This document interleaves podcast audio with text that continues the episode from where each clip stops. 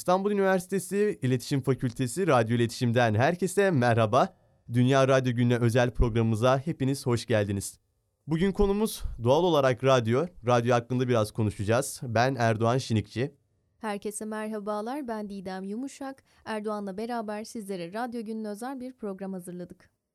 Evet Didem aslında bu konuşma çok da hani böyle bilgi içerikli dolu dolu bilgiye böyle duyacağımız bir programdan ziyade biraz sohbet havasında geçecek bir program. Çünkü hani şunu merak ediyor insanlar bizler yeni nesil genç kitle radyoya nasıl bakıyor? Çünkü bakıldığında hani X kuşağı deriz ya onlar böyle radyo ile büyüdü ve radyo ile gerçekten nostaljik anıları var. Ve radyonun günümüze bakıldığında yeterince kıymetinin bilinmediği yönünde düşünceleri var. Aslında haksız da sayılmazlar. Çünkü radyoya ilgi gerçekten azaldı. Peki biz yeni nesil olarak radyo hakkında neler düşünüyoruz? Özellikle bir iletişim fakültesi öğrencileri olarak. Aslında hem iletişim fakültesi öğrencileri olarak hem de radyo biriminde çalışan öğrencileri olarak bu konudaki bakış açımız biraz daha ayrışıyor. Çünkü evet radyo aslında en eski iletişim araçlarından birisi ama bunun yanında da en kolay iletişim aracılarından birisi. Yani depremde, olağanüstü durumlarda hala iletişim kurabildiğimiz ve yayın yapabildiğimiz mutlak araç radyo. Bunun yanında dediğin gibi evet nostaljik anıları da konu olması sebebiyle bizden daha üstteki kuşaklar için yine manevi bir aracılığı da var. Bizler için ise dijitalin artık hayatımıza girmesiyle beraber podcastlere dönüşmüş durumda radyo. Bu da niş üretim alanında radyonun yeni bir oluşuma doğru gittiğini gösteriyor. Ve yine biliyorsun ki arabalarda hala en yüksek iletişim araçlarından birisi radyo ve hatta arabalara indirgenmiş niş bir zevk olma özelliği de taşıyor diye düşünüyorum. Fakat bunun yanında hala bölümlerimizde de gördüğümüz üzere iletişim okuyan öğrenciler arasında ben radyocu olmak istiyorum diyenler de var. Yani tamamen bitmiş, artık yok olmuş ya da yeni nesle uyum sağlayamayan bir aracı olduğunu düşünmek de yanlış olur radyo için. Şöyle bir durum var. Evet radyo artık eskisi kadar aktif kullanılmıyor çünkü yeni mecralar, televizyon, işte dijital medya bunlar işin içerisine girdikçe radyo daha geri planda kalıyor. Ama bakıldığında şöyle de bir durum var. Evet iletişim fakültesindeyiz ve bazı öğrenciler radyocu olmak istiyor sayıları az olsa da. Kesinlikle bitti diyemeyiz. Aslında tartışmamız gereken konu bunun bitecek mi kısmı. Yani çünkü belli bir kitle tarafından özellikle işte dijital platformlar tarafından hem radyonun hem de televizyonun yakın bir zamanda pabuçlarının dama atılacağı yönünde haklı oldukları belli başlı konular var. Evet hani radyo eskisi kadar kullanılmıyor ve gitgide her şey dijitale kayıyor. Ama şunu unutuyorlar. Radyoda dijitale kayıyor. Dediğin gibi podcastler Hı-hı. var. Ve bu podcastler aracılığıyla şu an hani Türkiye bazında konuşmazsak, Avrupa bazında konuşursak bakıldığında para kazanılıyor. Bu iş gerçekten ticari anlamda da ilerleyen ve ölmekten ziyade küllerinden doğan bir iş gibi geliyor bana. Tabii işin bir de şu kısmı var. Buna kesinlikle değinmek istiyorum. Zamanında belli başlı kuramcılar şunun tartışmasına giriyor. Radyo podcast'te devam etmeli mi? Ya da podcast radyonun dinamiklerine aykırı mı? Hı hı. Belli başlı kuramcılar da diyor ki podcast radyonun bir uzantısıdır ve bu şekilde devam etmesi olasıdır ve bunun hiçbir zararı yoktur diyor. Hani senin bu konudaki düşüncelerin neler? Sen hangi kuramcılardan yanasın? Aslında ben burada kesinlikle bunun bir uzantı olacağını savunanlardan tarafım çünkü hani dedin ya mesela bitecek mi, bitti mi vesaire tartışmalar var. Aslında iletişim alanında hiçbir şey bitmiyor. Her şey form değiştiriyor. Yeni neslin ihtiyaçlarına göre, teknolojik gelişmelere göre çünkü aslında en çok da teknolojik gelişmelerin etkisiyle beraber bizlerin iletişim anlayışları ve araçları değişiyor. Çünkü her aracın değişimiyle birlikte insanların konsantrasyon süresinden ihtiyaçlarına, birçok alanda farklı tezahürlerin meydana geldiğini görüyoruz. Hal böyleyken bizim için iletişim araçları teknolojiyle bağdaşıktır ve bu nedenle de artık nasıl ki eski süreçlerde e, radyolar vardı o telli hatırlarsın. Hı hı. Onların yerine biz telefonumuzdan bağlanıp dijital radyolarda ki İstanbul Üniversitesi de aslında dijital bir radyo dijital radyolar aracılığıyla bir şeyler dinliyoruz veya artık telefonumuz üzerinden bütün bu dünyaların ulaşımını sağlayabiliyoruz. Dolayısıyla burada bitti bitecek tartışmaların değil tamamen artık burada bir dönüşüm olduğu. Bu dönüşümle beraber podcastlerin senin de dediğin gibi radyo küllerinden yeniden doğurduğu tartışmasına katılıyorum. Kaldı ki mesela radyonun azımsanması bence çok yanlış bir bakış açısı. Elbette dijital platformlar çok ciddi bir yükselişte Ama bunun yanında radyonun zamanında yaratmış olduğu etkiyi hiçbir dijital aracının yaratmadığını da konuşmamız lazım. Mesela 1950'lerde radyo diktatörlerin ortaya çıkmasındaki en güçlü aracıydı. Şimdi bunu ıskalamamak lazım. Neden? Radyolar sayesinde Hitler, Mussolini gibi büyük liderler ya da diktatörler demek burada daha doğru bir tabir olacak. Halka seslenme aracısı olarak radyoyu kullanıyorlar. Ve yalnızca gazete aracılığıyla ya da kitap aracılığıyla konulardan haberdar olan halk artık duyumsal yani işitsel olarak bir şeylerden haberdar olma aracısını buluyorlar radyo ile birlikte. Çünkü gazete haberini dahi okuyacak olsanız eğer okuma yazmanız yoksa birisinin aracılığına ihtiyaç duyacaksınız. İşte o üçüncü kişinin aracılığını ortadan kaldırması yönüyle radyo ciddi anlamda ayrışan bir cihaz olarak, bir teknolojik ürün olarak 1950'lerde kullanılmaya başlanıyor ve burada diktatörlerin büyük kitlelere ulaşmasını sağlamasıyla da dönemin siyasal politik dinamiklerini ciddi manada değiştiriyor. Günümüzde baktığımızda teknolojinin bu hızlı ilerlemesi 2000'lerden sonra ve akıllı telefonların hayatımıza girmesi, sosyal mecraların doğması belki benzer bir etkiyi yarattı ama yine bu kadar şiddetli bir kırılım görmedik biz politik anlamda veya diğer konularda. Yine bunlar bizim alışa alışa yani suyun yavaş yavaş kaynamasıyla meydana gelen konulardı. Bu noktada radyonun iletişim aracıları içerisinde en ciddi kırılmaya sahip alet olduğunu da söylemek mümkün. Evet bunun yanı sıra şeye de değinmemiz lazım. Mesela benim en çok şaşırdığım durumlardan biri biz teorik kısmını gördüğümüz için buna hakimiz ama belki dinleyicilerimizin haberi yoktur, şaşıracaklardır. Şu an güncel olarak da en güvenilir iletişim aracı radyo. İnsanlara sorulduğunda bunun araştırması yapıldığında insanların %70 oranında radyoya daha fazla diğer kitle iletişim araçlarına nazaran daha fazla güvendiğini tespit etmişler. Tabii güvenilir olmasının yanı sıra hani bakıldığında evet güvenilir, olumlu bir tarafı. Ama sektörel anlamda da radyocumuz çok az. Ya da şöyle söyleyeyim en azından Türkiye bazında bakıldığında radyo çok fazla eleman yetiştiren bir alan olarak karşımıza çıkmıyor. Bakıldığında radyocular da aslında aklımızda sayabiliyoruz isimlerini. Çok böyle yeni çalışanlara açık bir alan değilmiş gibi görülüyor. Senin bu konudaki düşüncelerin neler mesela? Aslında farkında mısın? Medya alanında emeklilik diye bir kavram yok. Yani emekli olmuyorsunuz, sürekli terfi ediyorsunuz, terfi ediyorsunuz. En sonunda müdür oluyorsunuz, genel yayın yönetmeni oluyorsunuz. Altınızdaki çaylaklardan sorumlu oluyorsunuz, onları yetiştiriyorsunuz ama emekli olmuyorsunuz. Baktığımızda bunun birçok örneği var. Artık istifa vererek kendi kendisini sektörden emekli eden isimler var. Bu medyanın genel bir problemi diye düşünüyorum. Bu durumda da alttan gelen kişi sayısı oldukça azalıyor. Bunun bir sebebi de şu alttan gelen kişi sayısı kalifiyesiz bir şekilde yetişiyor. Çünkü öğrencilerin uygulama yapabilecekleri alan sayısı çok az. Staj yapabilecekleri alan sayısı çok az.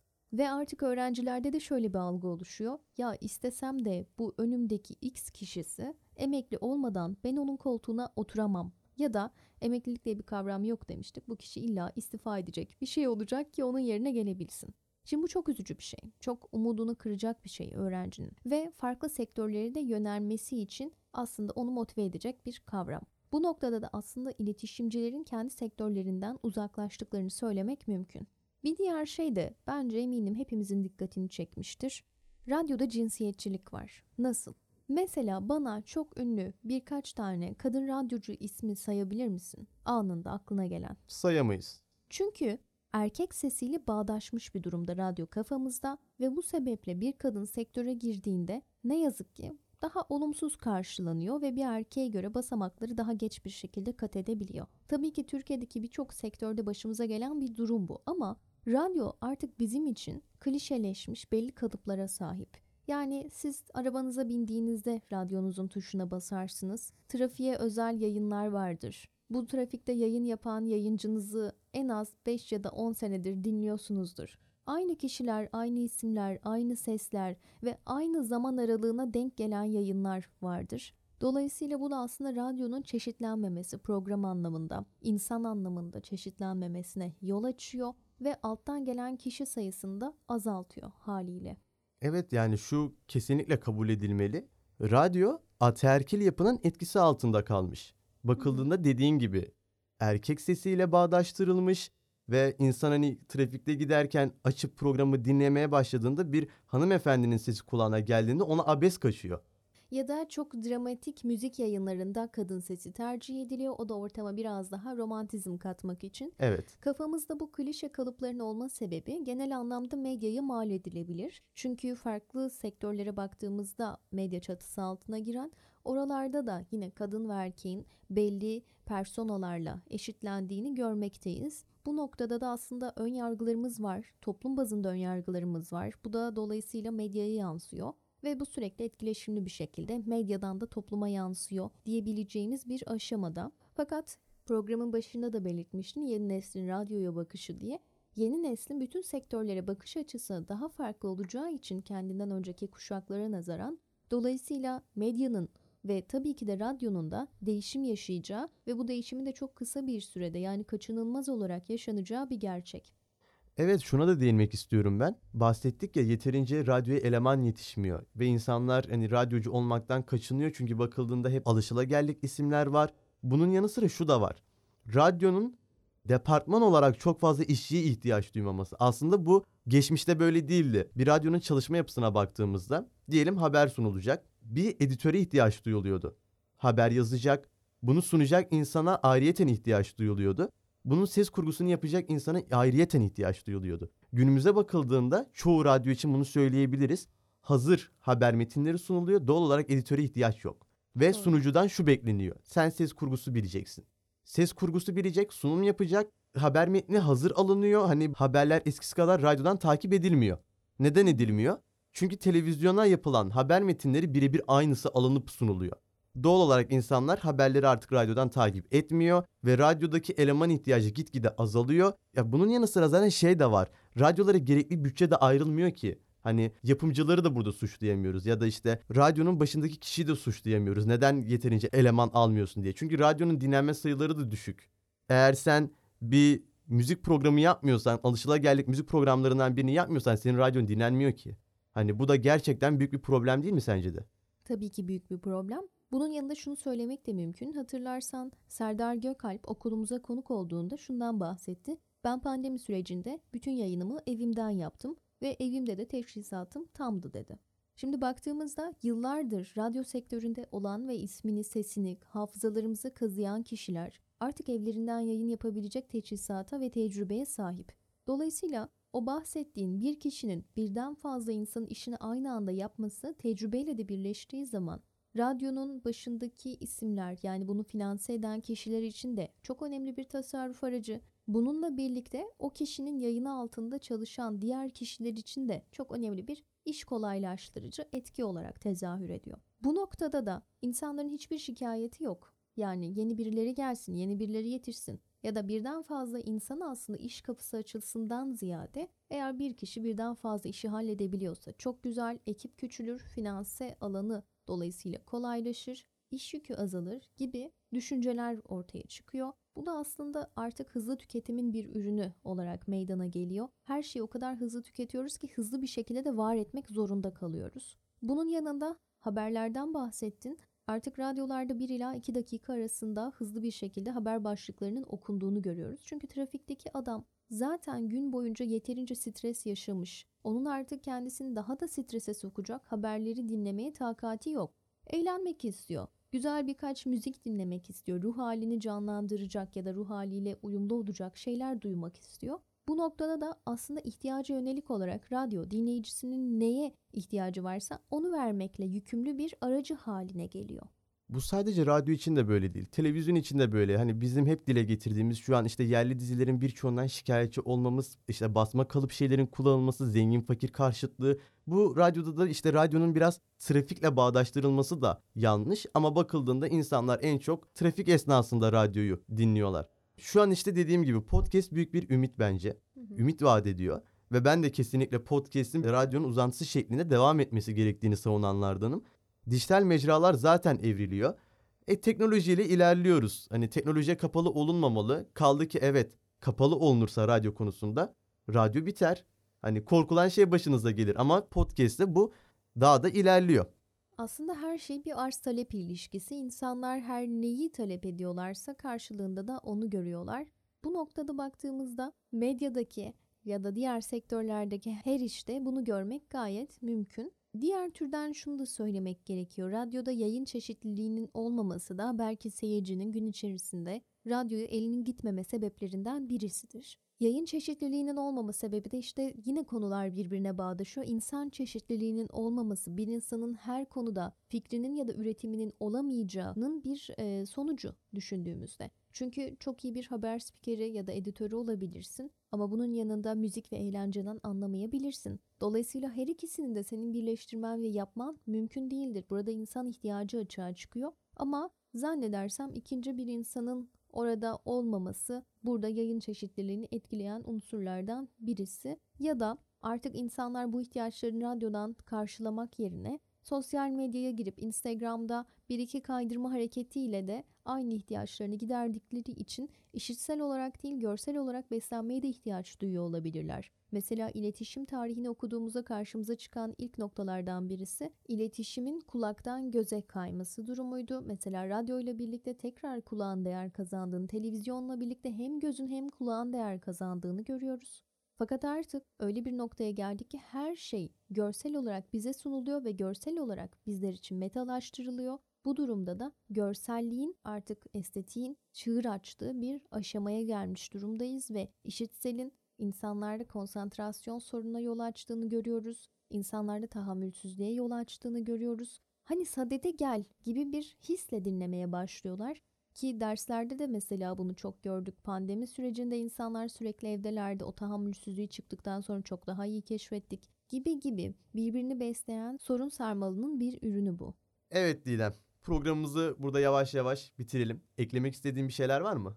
Sadece dinleyicilerimiz için şunu söyleyebilirim. İletişim Fakültesindeki radyo birimini ziyaret edebilir. Burada radyo hakkında duygu düşüncelerinizi bizlerle paylaşabilir ve hatta radyo yayını nasıl yapılabilir bununla alakalı da deneyimler edinebilirsiniz. Bunun dışında sektöre atılacak olanlar için de şunu söyleyebiliriz ki radyo çok ciddi tecrübe edinebileceğiniz bir basamak ve sadece ses üzerine bir yayın kaynağı olduğu için de programın yapılması, yönetilmesi, dikkat çekici olması ne kadar zor ve meşakkatli bunları görmek de çok faydalı olabilir ve bu noktada radyodan tecrübe edinmek birçok medya mecrasında üretim yapmanızın da ne kadar kolaylaştıracağına ve önünü açacağına dikkatinizi çekmek isterim. Bizleri dinlediğiniz için çok teşekkür ediyorum. Görüşmek üzere. O halde radyo iletişimde görüşmek üzere diyelim. Hoşçakalın.